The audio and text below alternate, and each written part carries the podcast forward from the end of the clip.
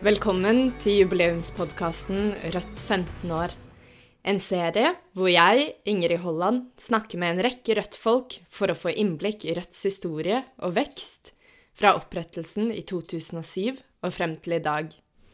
Dette er andre episode, de første årene, med Ingeborg Steinholt, mangeårig aktivist og folkevalgt i Rødt, og Turid Thomassen, som var Rødts andre leder fra 2010 til 2012.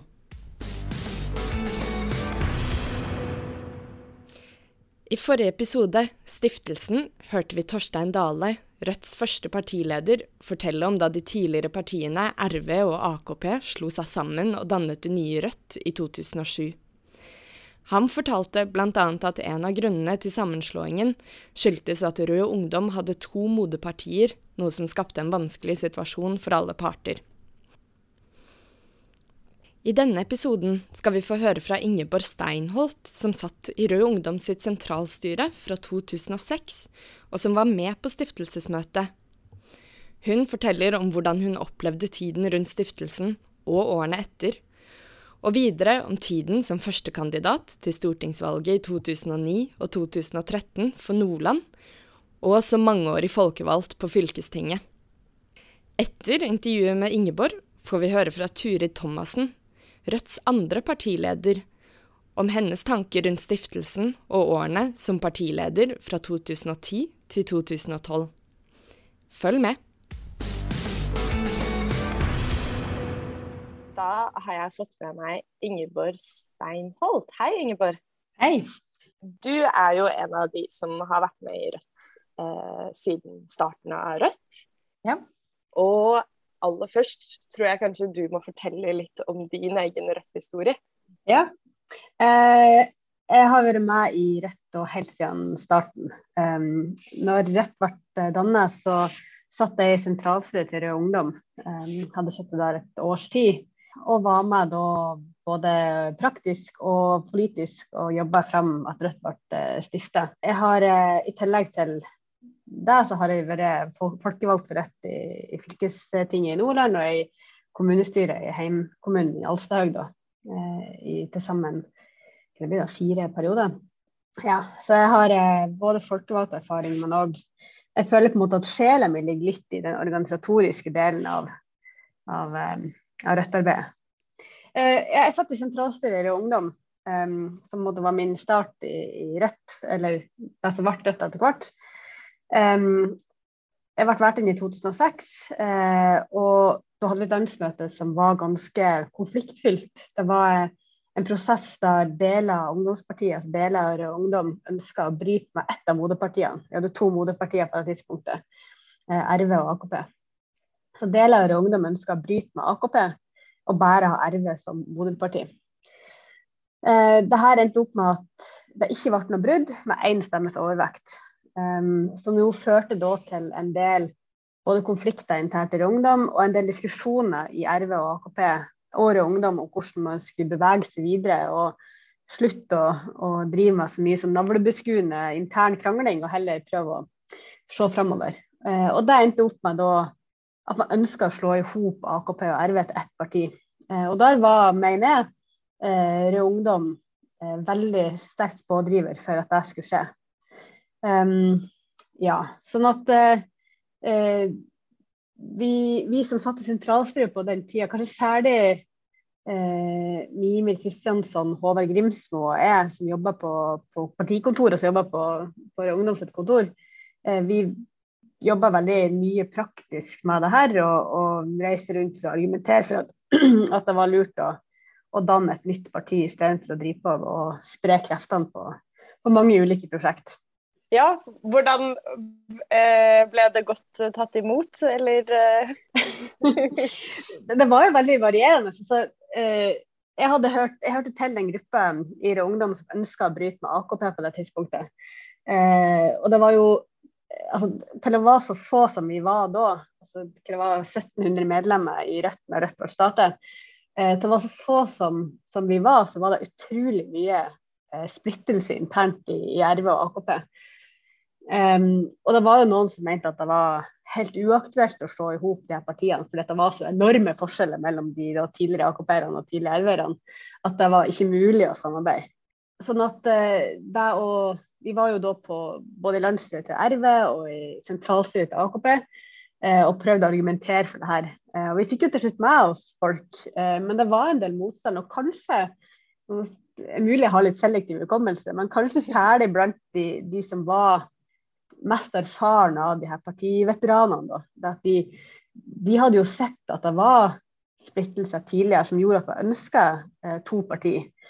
Eh, og de så nok kanskje ikke helt eh, verken verdien eller gjennomføringsmuligheten i den, den sammenslåinga. Um, men med en gang det var beslutta at man skulle gå videre med det her, så var, så var det ganske stor enighet. Det var selvfølgelig noen som, som var mot eh, sammenslåinga lenge, men, men, eh, men når vi hadde beslutta ting, så, så, var det mange som jobba i lag for å få det her til.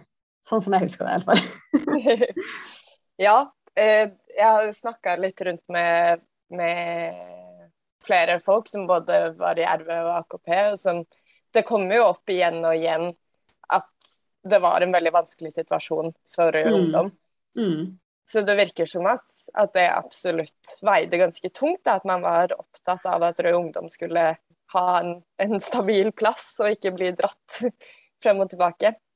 Ja, det at denne her, det, det, sier jo kanskje litt om hvor små vi var, og egentlig ganske sånn navlebeskuende. Men, men det er klart at eh, på det landsmøtet der, der, det var avstemning om brudd med AKP eller ikke, der var det jo en del, og jeg vil tippe en ganske stor del av Rød Ungdom, som, eh, som, det var klart å gå ut av landsmøtet og melde seg ut i, i flokk eh, hvis det ble brudd. Eh, så det er klart at det var altså når vi var, når vi var 1700 medlemmer i Rødt, så var det jo ganske bortkasta eh, kapasitet å bruke så mye tid på konflikt som vi gjorde på den tida. Mm. Um, selv om at det selvfølgelig var politiske uenigheter bak mye av det her, så, så framstår de kanskje i dag som, som ganske små og mulig å, å favne innenfor ett parti. da. Mm. Men samtidig altså, viktige avgjørelser for å ha et godt fundament til å bygge videre på og trekke i samme retning.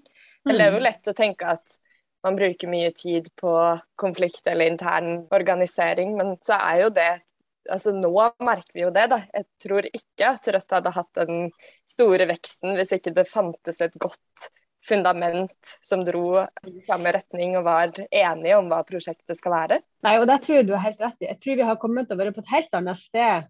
Eller jeg frykter at vi har kommet til å være på et helt annet sted hvis det hadde blitt brudd med AKP fra ungdoms side på den tida, fordi at det var såpass mange veldig produktive krefter som var medlem både i RV og i AKP, som da kanskje ville sett på det her som en mistillitserklæring eller som et brudd med de politisk. Eh, og det var ikke spesielt store politiske forskjeller eh, når vi ser på det nå. Um, men det å bruke den tida vi trengte da på å klare å slå oss i hop ikke bare på papiret, men òg eh, ideologisk og politisk og praktisk. Eh, det var veldig viktig. Og det er klart at det var jo litt sånn eh, håpløst. RV og AKP var to ulike partier, men hadde, de hadde jo partikontor i lag. Eh, spiste lunsjlag hver dag, de ansatte. Mm. Og eh, de aller fleste var jo medlem begge steder. Det var, det var en veldig sånn eh, upraktisk måte å organisere seg på, som jeg tror gjorde at man brukte mye tid Eh, som kunne vært brukt til utadvendt virksomhet på litt sånn indremedisin og interne konflikter. Mm. Ja, nå er det, det er nesten umulig å forestille seg. Mm. ja. Men Ingeborg, var du, var du på stiftelsesmøte ja. i 2007? Definitivt. Eh, jeg var eh, praktisk jeg var, vel, jeg var noen slags sånn landsmøtesekretær, så vidt jeg husker. I alle fall så var, var det jo da, det var, I og med at vi var såpass få medlemmer i AKP, RV og Rød Ungdom på det tidspunktet, så hadde vi jo ganske dårlig økonomi. Mm. Eh, og Rød Ungdom hadde revkjørt økonomien sin klarer å bruke en ganske kraftig. så vi var i det hadde ganske mye gjeld til RV og AKP. Eh, så vi jobba gratis da, eh, som landsmøtesekretærer, vi som var ansatte i Rogndom. Så vi gjorde alt det praktiske og laga mat og satt ut stoler og var teknisk eh, support og alt det her. Um, sånn at, uh, ja. det var my, mye arbeid. Mm. Ja, det er jo fortsatt noen uh, RU-ere som, uh, som, jobber litt her og der. Ja. Um, sånn, sånn, vil det vel kanskje alltid være. Det er noe med dugnads... Uh, ja da, og det, det, er en fin ting. Jeg husker særlig jeg drev, jeg lage saksoppgjør til det her landsmøtet. og jeg, altså, jeg er ikke spesielt teknisk og flink med noen ting som helst. og var i hvert fall ikke det da. Uh, og så drev jeg på i Word og skulle lage sånn felles logo. Jeg skulle ha liksom RV-logoen, AKP-logoen og Ungdom-logoen i et hjørne. Og hver gang jeg flytta AKP-logoen inn til de andre, så forsvant Ungdom-logoen ut. Jeg hoppa liksom ut. Jeg følte her var sånn en sånn forutsigelse for hvordan dette landsmøtet kom til å gå. Men heldigvis så, så ble det bra. ja, Apropos logoer og navn og sånn. Hvis du husker tilbake igjen, det lå jo en del forskjellige navneforslag på bordet. Mm. Hadde du noen sterke meninger om det, eller? Jeg prøvde å tenke på det etter jeg så det, det ble henta frem fra glemselen. Um, jeg tror jeg var for solidaritet. Mm. Men det er mulig at det bare er at det er selektiv hukommelse, altså. Det var, det var mange veldig spenstige forslag. Ja, og så ble det rødt. Mm. Og jeg tror det er mange som har sagt at det føltes rart å bare hete en farge. Mm. Først var det, det var litt uenighet om det skulle være stor, store bokstaver, tror jeg. Eller Nei, utropstegn. Ja, og så var det vel det var vel kanskje store bokstaver i logoen i starten. Mm. Eh, og så var det noen som ønska at det være partiet Rødt. Um, så det var, det, var veld, det var, veldig mye diskusjoner rundt sånne praktiske ting. Mm. Men hvis, hvis, du tenker, altså sett utenifra En ting er jo å være midt inni alt det her, men utenifra, når man da skal ut og drive valgkamp, hvordan løste dere det sånn praktisk med å fortelle verden at nå er det rødt? Jeg tror på sett og vis altså denne sammenslåinga, den nydanninga av Rødt, eh, kom på sett og vis på et bra tidspunkt. fordi at eh, For å være helt ærlig, det var ikke akkurat noe prime time for eh, bevegelsen. Vi var få medlemmer. Det var en del kommuner der vi satt i kommunestyre og fylkesting og, og var, sånn, var noen å regne med, men vel, det var jo ikke veldig mange steder. Eh, jeg satt jo sjøl i, i fylkestinget i Nordland på det tidspunktet og ble da valgt inn for RV. Men fordi vi var så små, så, så var det nok ikke spesielt mange som syntes det var så rart at RV ble borte og, og Rødt kom. Så sånn sett så tror jeg timinga var grei. og, og, kanskje òg en forutsetning for at det skulle bli så vellykka som det ble. Mm. Ja, for du satt på fylkestinget. Mm. Hvilke perioder var det? Jeg satt fra 2007 til 2019. Ja. Oi, lenge. Ja. Det er lenge i fylkeskommunen. Ja, hvordan har det vært? Det er kjempespennende. Det var, det var en veldig bratt læringskurve. Eh, jeg satt jo i sentralstyret for ungdom da når jeg kom inn i 2007. og Jeg husker jeg ble spurt om å stå på lista på andreplass. Så var det en som heter Gunnar fra Vågan som ringte og spurte hvis jeg kunne være sånn ungdomsalibi på fylkestingslista. Eh, og så sa han ja, nei, jeg hadde akkurat flytta til Oslo og syntes det var veldig stas å, jobbe med Rød Ungdom og sånn. Og så sa han at men du kommer ikke til å komme inn, så det trenger du ikke være redd for. Det er bare for å ha noen på, ha en dame, ha en ungdom på lista. Og så gjorde vi det jo da ikke sånn, ikke sånn eh, kjempebra, men vi gjorde det ganske bra eh, sammenlignet med, eh, med det før. Eh, og så kom vi inn da sånn helt marginalt. Og det tror jeg var med på å har vært med på å forme mye politisk, for jeg har lært utrolig mye av flinke folkevalgte, i, kanskje særlig i Nordland. da. Men òg egentlig folkevalgte over hele landet. Eh, og har gitt meg et mer sånn pragmatisk eh, og jordnært syn på politikk som der jeg, der jeg, følte at jeg har fått den ideologiske og mer sånn en høyere himmel over politikken-ryggraden fra Høyre Ungdom. Så jeg har fått den pragmatiske, liksom jordnære biten fra folkevalgtarbeidet. Mm. Så det, det vært veldig fint. Har du mm. noen sånne enkeltsaker eller ting som du har vært med på å få igjennom, som har vært spesielt viktig? Altså, nå er det sånn at fylkeskommunen ikke driver med sånn kjempemye eh, spektakulære ting. Men eh, jeg og Linn Stemland, som jeg satt i lag med i den andre perioden min på, fylkestinget i Nordland. Vi eh, fikk gjennom en sånn nullvisjon eh, for å jobbe mot selvmord. Eh, og Det er en sak som har fått ganske mye oppmerksomhet, og som har fått, eh, der, vi, fortsatt får tilbakemelding fra både organisasjoner og pårørende om at det har en veldig en veldig viktig vedtak. Så det, det, er jeg ganske stolt av at vi fikk til. og det var skulle tro at det var en ukontroversiell sak, men det var altså utrolig mye arbeid for å få de andre partiene med på det. For ta de små seirene man får. Mm. Ja, det er kanskje et vanskelig tema for mange. Og ja, ikke det første man tenker på som en sånn politisk fanesak. Nei, um, så det var jo en del organisasjoner i, i uh, Nordland som, som, som, kom til oss og ba oss om, eller ba oss om jobb med det her, da. Mm.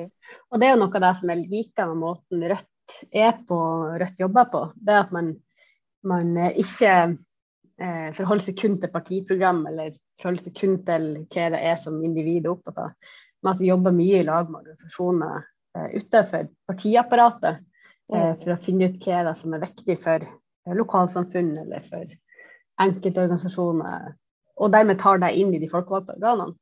Det syns, det syns jeg er en artig måte å jobbe på. Det har gjort at jeg har møtt utrolig mye bra folk og rare folk og artige folk. Mm. Men Ingeborg, du har også stått som førstekandidat for Nordland ved stortingsvalg. Mm. Var du ikke det?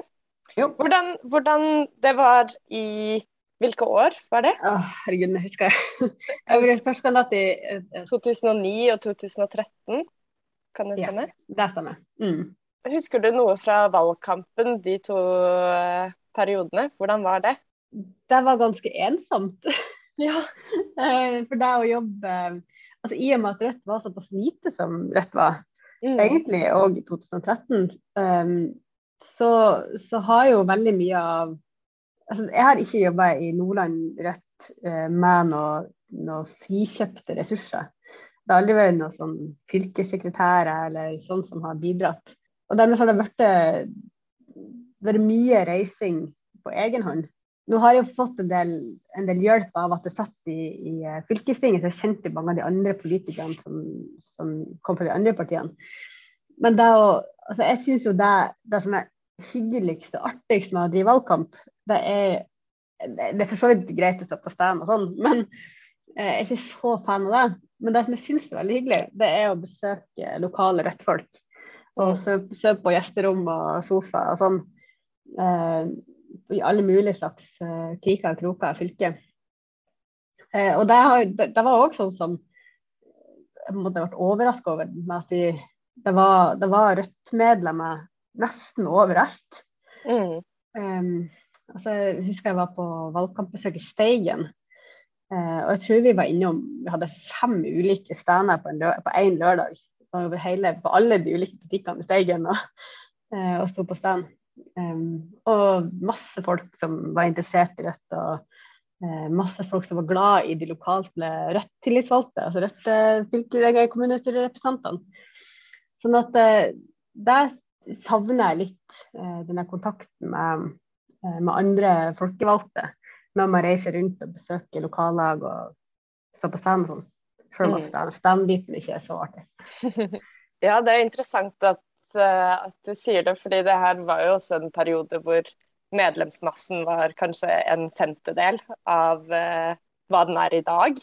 Mm. En ting vi jo står overfor nå med en så sterk vekst og så mange nye medlemmer, er jo det å faktisk skape den tilhørigheten til partiet, og det at man har en plass og ikke bare er et navn på en liste, men faktisk mm er der, kan ta imot folk som kommer reisende. Det, det tenker jeg var veldig eh, Det er en stor utfordring og en viktig oppgave for partiet. for det, Jeg husker jeg eh, kom på et landsmøte her for et par år siden. og Det var første gang der jeg ikke følte at jeg kunne navnet på egentlig på alle i salen. Mm. Altså På veldig mange landsmøter og på veldig mange landsstyremøter eller altså, sånne prosesser tidligere, så har det ikke vært noen overraskelse. Mm. altså, jeg har, jeg hvem alle, på, alle delegatene var for noen. Jeg har visst hvem alle kandidatene til ulike verv var for noen. Og det er ikke et veldig sunt eh, tegn. Sånn at, at, du, at du kommer på et landsmøte, og det er masse nye folk, mm. eh, og du ser på kandidatene til ulike verv, og du kjenner kanskje sju av dem. Altså det, det, er, det, er, veldig bra. Mm. Eh, det tyder på at man har kommet et langt stykke fra stiftelsen, altså. Ja, eh, en lang vei, men det er jo fremdeles veldig mange av de Det, politiske prosjektet er jo fremdeles likt. Mm. Eh, og da tror jeg òg det er òg en, en, viktig oppgave som jeg har inntrykk av at partiet tar veldig på alvor. altså Det her med å, å klare å videreføre den, um, den ideologiske ryggraden. Uh, mm. Selv om man får mange medlemmer som er helt nye. altså da når vi stifta Rødt, så var det jo det var nesten ingen som var nye. altså De som var nye, de kommer fra ungdom. Eller så var det eh, folk som hadde, hadde, mange års erfaring i eh, bevegelsen. og det gjør jo at man blir eh, et ganske sånn lukka fora, fordi at alle bruker det samme språket og går ut ifra at man skjønner de samme begrepene. Og alt der. Og da å klare å, å beholde den høyere himmelen over politikken, selv om at folkene skiftes ut, det krever jo en del eh, eh skolering og en del tilbud fra partiet, som sannsynligvis krever ganske mye innsats fra de ansatte. Mm. um, men jeg tror jo at man får igjen for det senere at folk eh, eh, vet de begir seg ut på hvis de blir valgt inn i kommunestyret, eller hvis de blir valgt inn i eh, lokallagsstyret eller landsstyre. Så har man eh, litt mer sånn robust organisasjon. Mm. Mm. Ja, jeg tror det er kjempeviktig. Nå er det jo eh, snart bare et år til nytt lokalvalg. Men eh, Ingeborg, tilbake til da du var førstekandidat eh, for Nordland i stortingsvalget mm. i 2009. Mm. Hadde du da sett for deg at eh, litt over ti år senere så skulle Rødt sitte med en stortingsgruppe på åtte representanter? Nei. Det, jeg husker jeg ble intervjua av lokalaviser en veldig sånn kleint intervju. sånn, uh, Her er en ung, ung kandidat som lå på, sånn, på gresset sånn, og eh, stirra sånn uh, ungpikeaktig inn i kamera.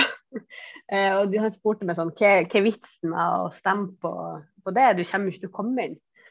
Og så husker jeg vi hadde liksom, funnet ut, og vi, vi som jobba i lag i Nordland, at vi skulle si at vi nå bygde vi stein for stein. og Kanskje kommer vi ikke inn i år, men neste stortingsvalg så var det en ny mulighet. og der skal vi gjøre det gradvis. Men jeg trodde ikke på det. Altså, mm. vi, vi, Jeg trodde ikke på at vi kom til å eh, klare å bli så stor som vi er i dag. Det hadde ikke falt meg inn.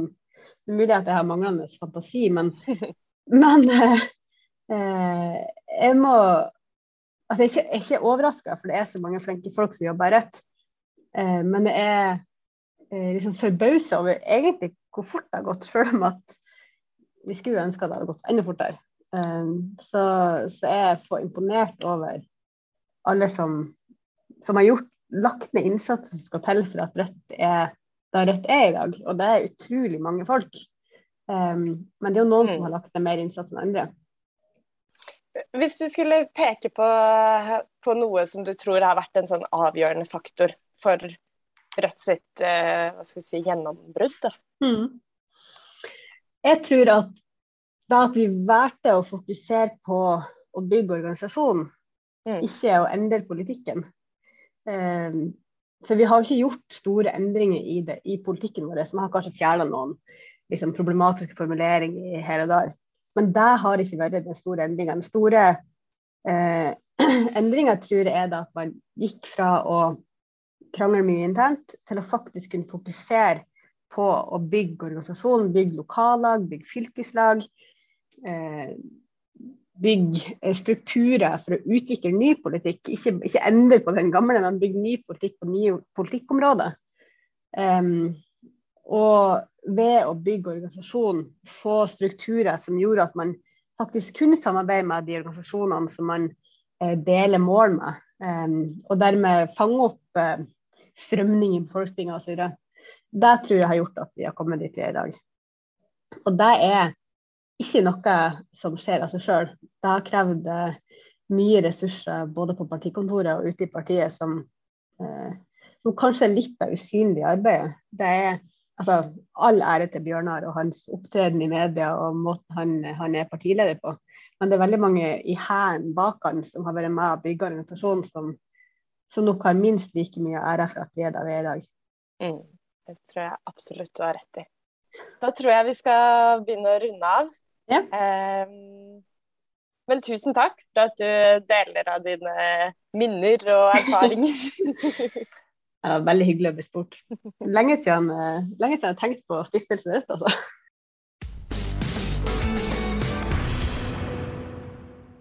Det var Ingeborg Steinholt. Og nå skal vi fra ett tidligere Rød Ungdom-medlem til det neste. Da Torstein Dale ga seg som partileder i 2010, ble Turid Thomassen valgt som Rødts andre leder. Men hennes tid i det som i dag er Rødt, startet, som for så mange andre, i Rød Ungdom. Følg med videre for å høre Turids reise i partiet, fra Rød Ungdom til stiftelsen i 2007, og videre som partileder fra 2010 til 2012.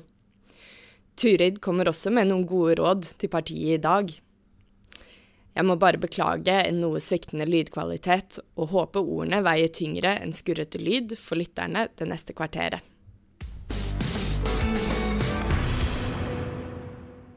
Da har jeg fått med meg Turi Thomassen, som eh, var partileder i Rødt fra 2010 til 2012.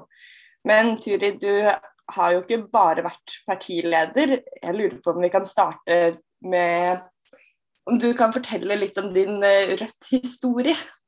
Ja, for den begynte, jo, den begynte jo da jeg var ca. 13 år. Eh, og jeg hadde en storesøster som var med i Ungdom. Eh, og hun tok meg med på noe som vi hadde, hadde den gangen da i, i Telemark. da, En pinseleir hvor det var eh, politiske diskusjoner og Jeg skjønte ingenting, men eh, det var, det var veldig spennende. Eh, og liksom bli tatt på alvor og spurt om hva jeg tenkte. Eh, så det var, det var det første møtet med Rundom. Og etter hvert så var vi jo tre av fem søsken som var med i Rød Ungdom. Så er det vel jeg som har eh, Det er jo jeg som har eh, holdt ut lengst. Det var eh, Rød Ungdom, det var Afghanistan.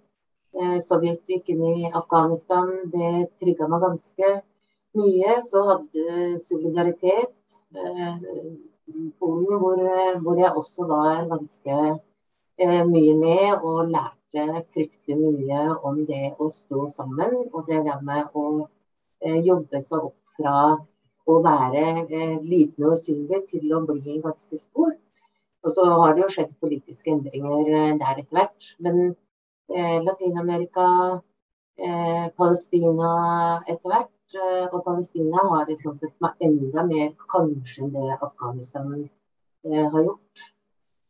Eh, så det å være i Rød Ungdom, og da etter hvert eh, eh, også i, i RV, og også en periode i AKP, så, så var det liksom den ballasten som jeg har med meg, da. Som er grunnlaget for at jeg fortsatt står der jeg står.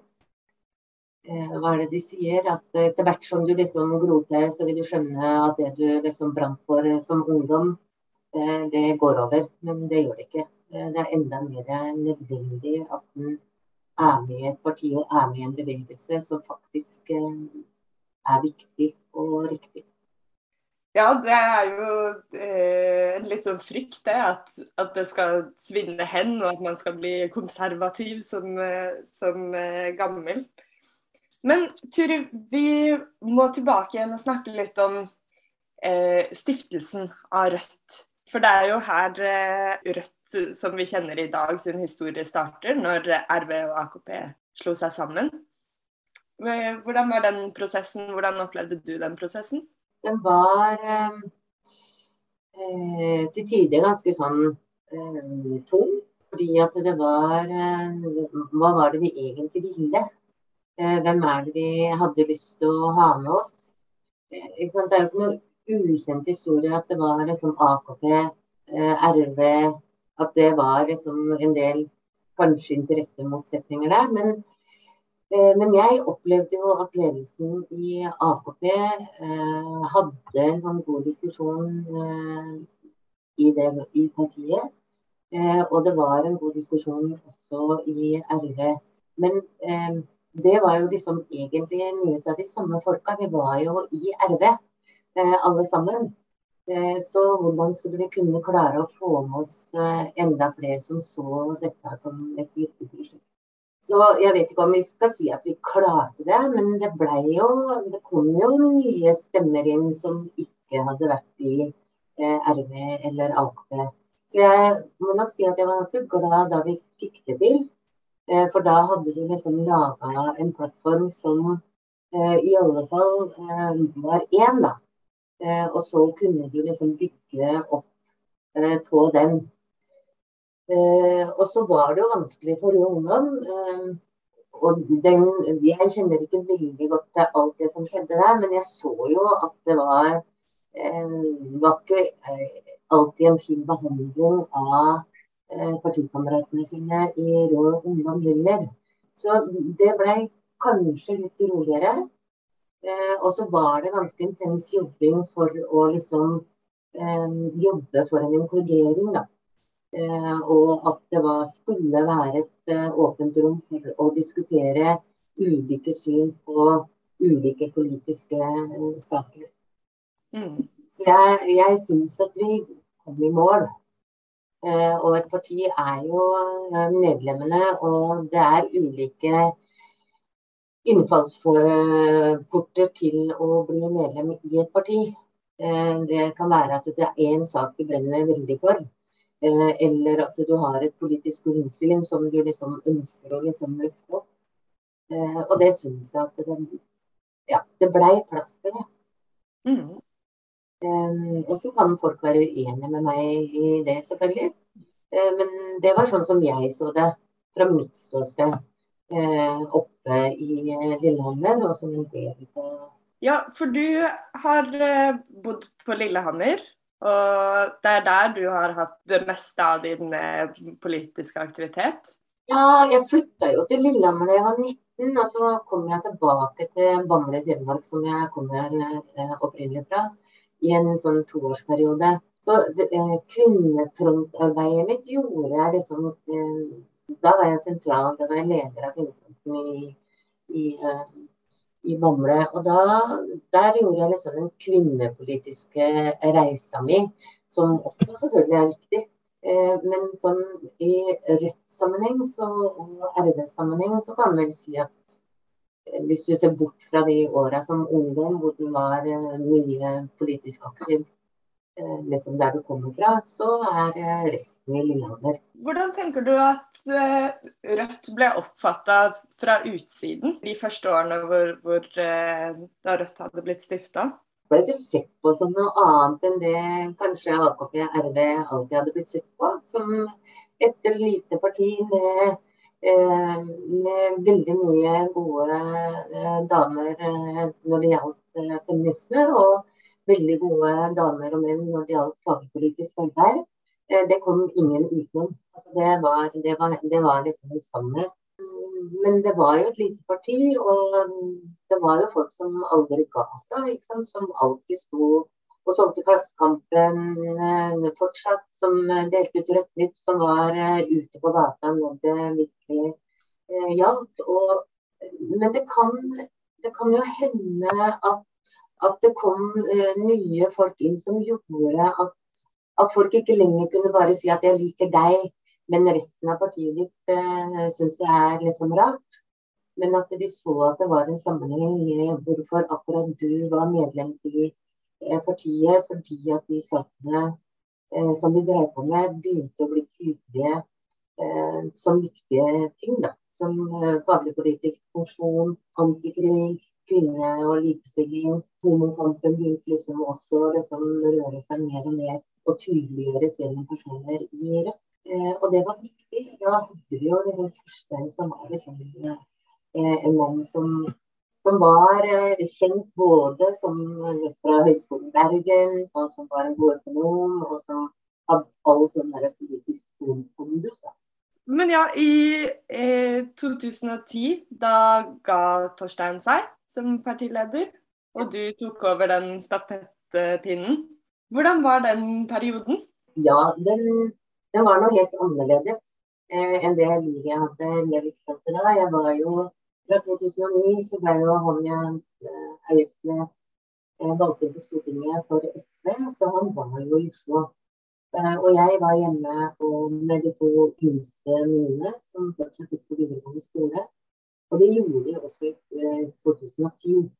Så det å reise fra liksom, de to for å ta den stafettpinnen, var eh, Det var ikke noe Det var ikke lett, og det var ikke lett i de to åra å sitte i Oslo og være så opptatt som det eh, begge vi to var. Da.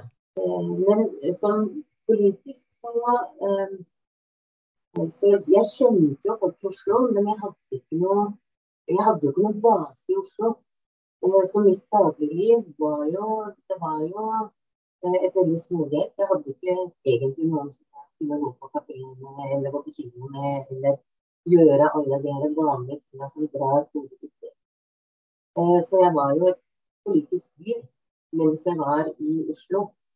Og det tenker jeg var Jeg lærte mye, men det var ikke noe lett å være menneskelig i, i byen da.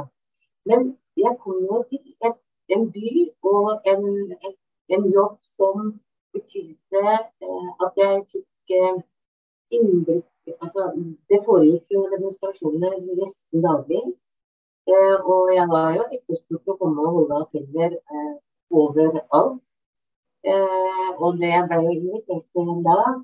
Jeg meldte meg inn i kvinnepolitisk lag fordi at jeg trengte liksom det derre eh, kvinnesamholdet. Mm. Jeg trengte det spesielt godt. Og så er jo en av mine greier det derre Hvis du skal ha en sånn byggeorganisasjon, så måtte ledelsen liksom ut i organisasjonen som måtte reise fysisk for å besøke, for å, å vise at du ser og gjøre hva de jobber med. holde en innledning. være med og se liksom livet der ute hvor det var eh, rødt lag eller rødt folk. Eh, det var eh, de to åra hvor jeg liksom virkelig lærte så mye av eh, hvor ulik Rødt var. Eh, alt dette hvor det var i landet. Eh, og igjen så møtte, jo de, møtte jeg jo de som aldri ga opp og som fortsatt er der i dag. Eh, og det er eh, Og det tenker jeg er noe av det som eh, Rødt kan være litt lykkelige for. Fordi folk forsvant ikke. Vi fortsatte å se at selv om vi var blitt et sammenslått parti, så var viktigheten av å være aktivist, det å være synlig, akkurat like viktig som før. Um, så, så jeg, jeg, er ganske takknemlig for at jeg fikk muligheten til å være, eh, være leder eh, i den perioden. Og så var det jo ikke sant, Du hadde Libya-krigen, og du hadde det som skjedde på Utøya og i regjeringskvartalet. Eh, du hadde liksom den amerikanske ambassaden som, som hadde på en måte åpen dør til PC. Altså det var eh, fryktelig mye som skjedde på sånn storpolitisk plan. Eh, hvor viktige vi var for å liksom heve stemmen og peke på og ikke gi opp. Det er ganske interessant å høre, høre deg fortelle og skjønne at en del av de hva skal man si, både det vi vil og de utfordringene med å spesielt kanskje være kvinne og eh, ha barn og ville være politisk aktiv. At det er jo ting som vi fremdeles eh, Eller det vil alltid være en utfordring. Og særlig nå hvor Rødt vokser såpass mye, og hvor vi trenger masse nye, flinke eh, folkevalgte, så trenger vi også å ikke gi opp, men samtidig finne måter å drive politikk hvor man også kan være menneske. Menneskeversjonen av seg selv. Jeg tenker jo at eh, sånn helt tidligere da jeg var politisk aktiv, så var det jo helt vanlig at eh, man hadde mulighet for barnepass. Når man skulle på sommerleir, eller hvis man skulle på et helgeseminar, eller hvis man skulle det ene eller det andre. Og jeg tenker at den tråden, den bør vi faktisk eh, ta opp igjen. At det eh, å gi jenter som eh, kom på, kom på eh, Messenavieseminaret, eh, vi tilbyr barnepass. Mm. Ja, jeg tror absolutt at det er både nødvendig og eh, viktig at vi bruker tid på. Men Turi, hvis du eh, ser tilbake igjen, har du noe sånn eh, Er det noe sånn rødt minne som stikker seg spesielt ut, som, som eh, Hva skal jeg si En god erfaring, eller eh, et tidspunkt hvor, hvor du føler at nå oppnådde vi noe veldig viktig? Ja, og det handler rett og slett om eh, da Rødt eh, sammen med NKP, det skal sies, eh, viste hvor feil det var og at norske myndigheter gikk inn i Libya-krigen. Det tenker jeg er et av de, de tinga som virkelig, som virkelig var viktig for, for Rødt. Eh, det å vise at vi, vi, kunne stå på og argumentere for hvorfor vi ikke mente at krig er det som, som gjelder.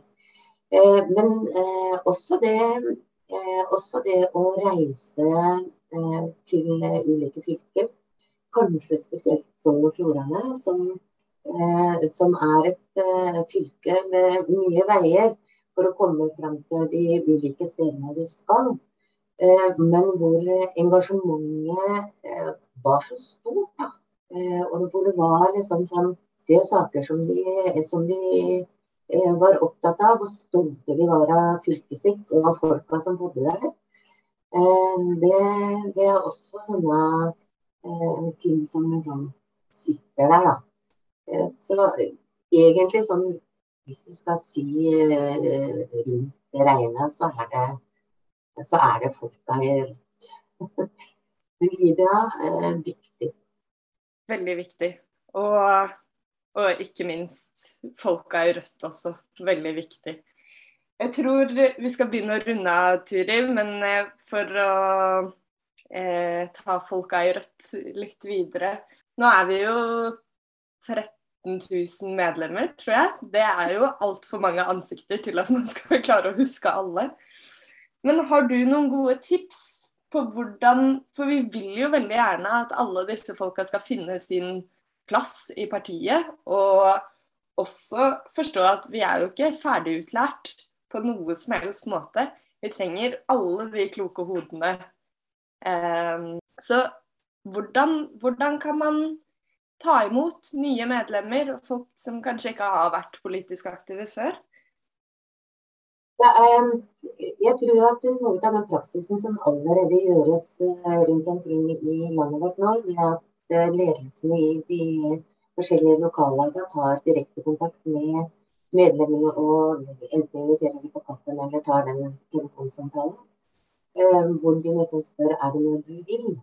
Eller kan jeg spørre deg om å være med på en stand? Jeg tror jo at noe av det som vi må nødt til å, eh, vi må nødt til å fortsette med, er å være synlige. Og da tenker jeg ikke bare på Facebook eller på hjemmesida vår eller i avisene, men vi må være synlige i våre lokalsamfunn. Eh, og det betyr ikke at du står hver lørdag på stand, men det betyr at du f.eks. prøver å få med deg Eh, de nye medlemmene eh, på en stand en gang iblant.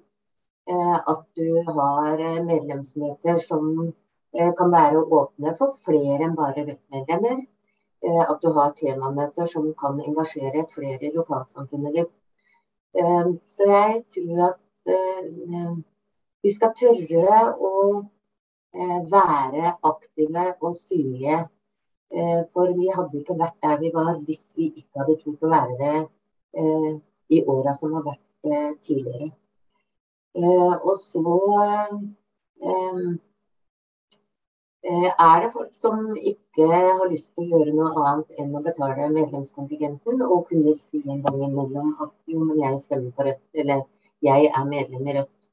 Og det er, det er eh, også lov. Eh, men innimellom så er det saker folk brenner for. Kartlegg de. Se om det er noe man kan bruke det til, som gjør at man sjøl kan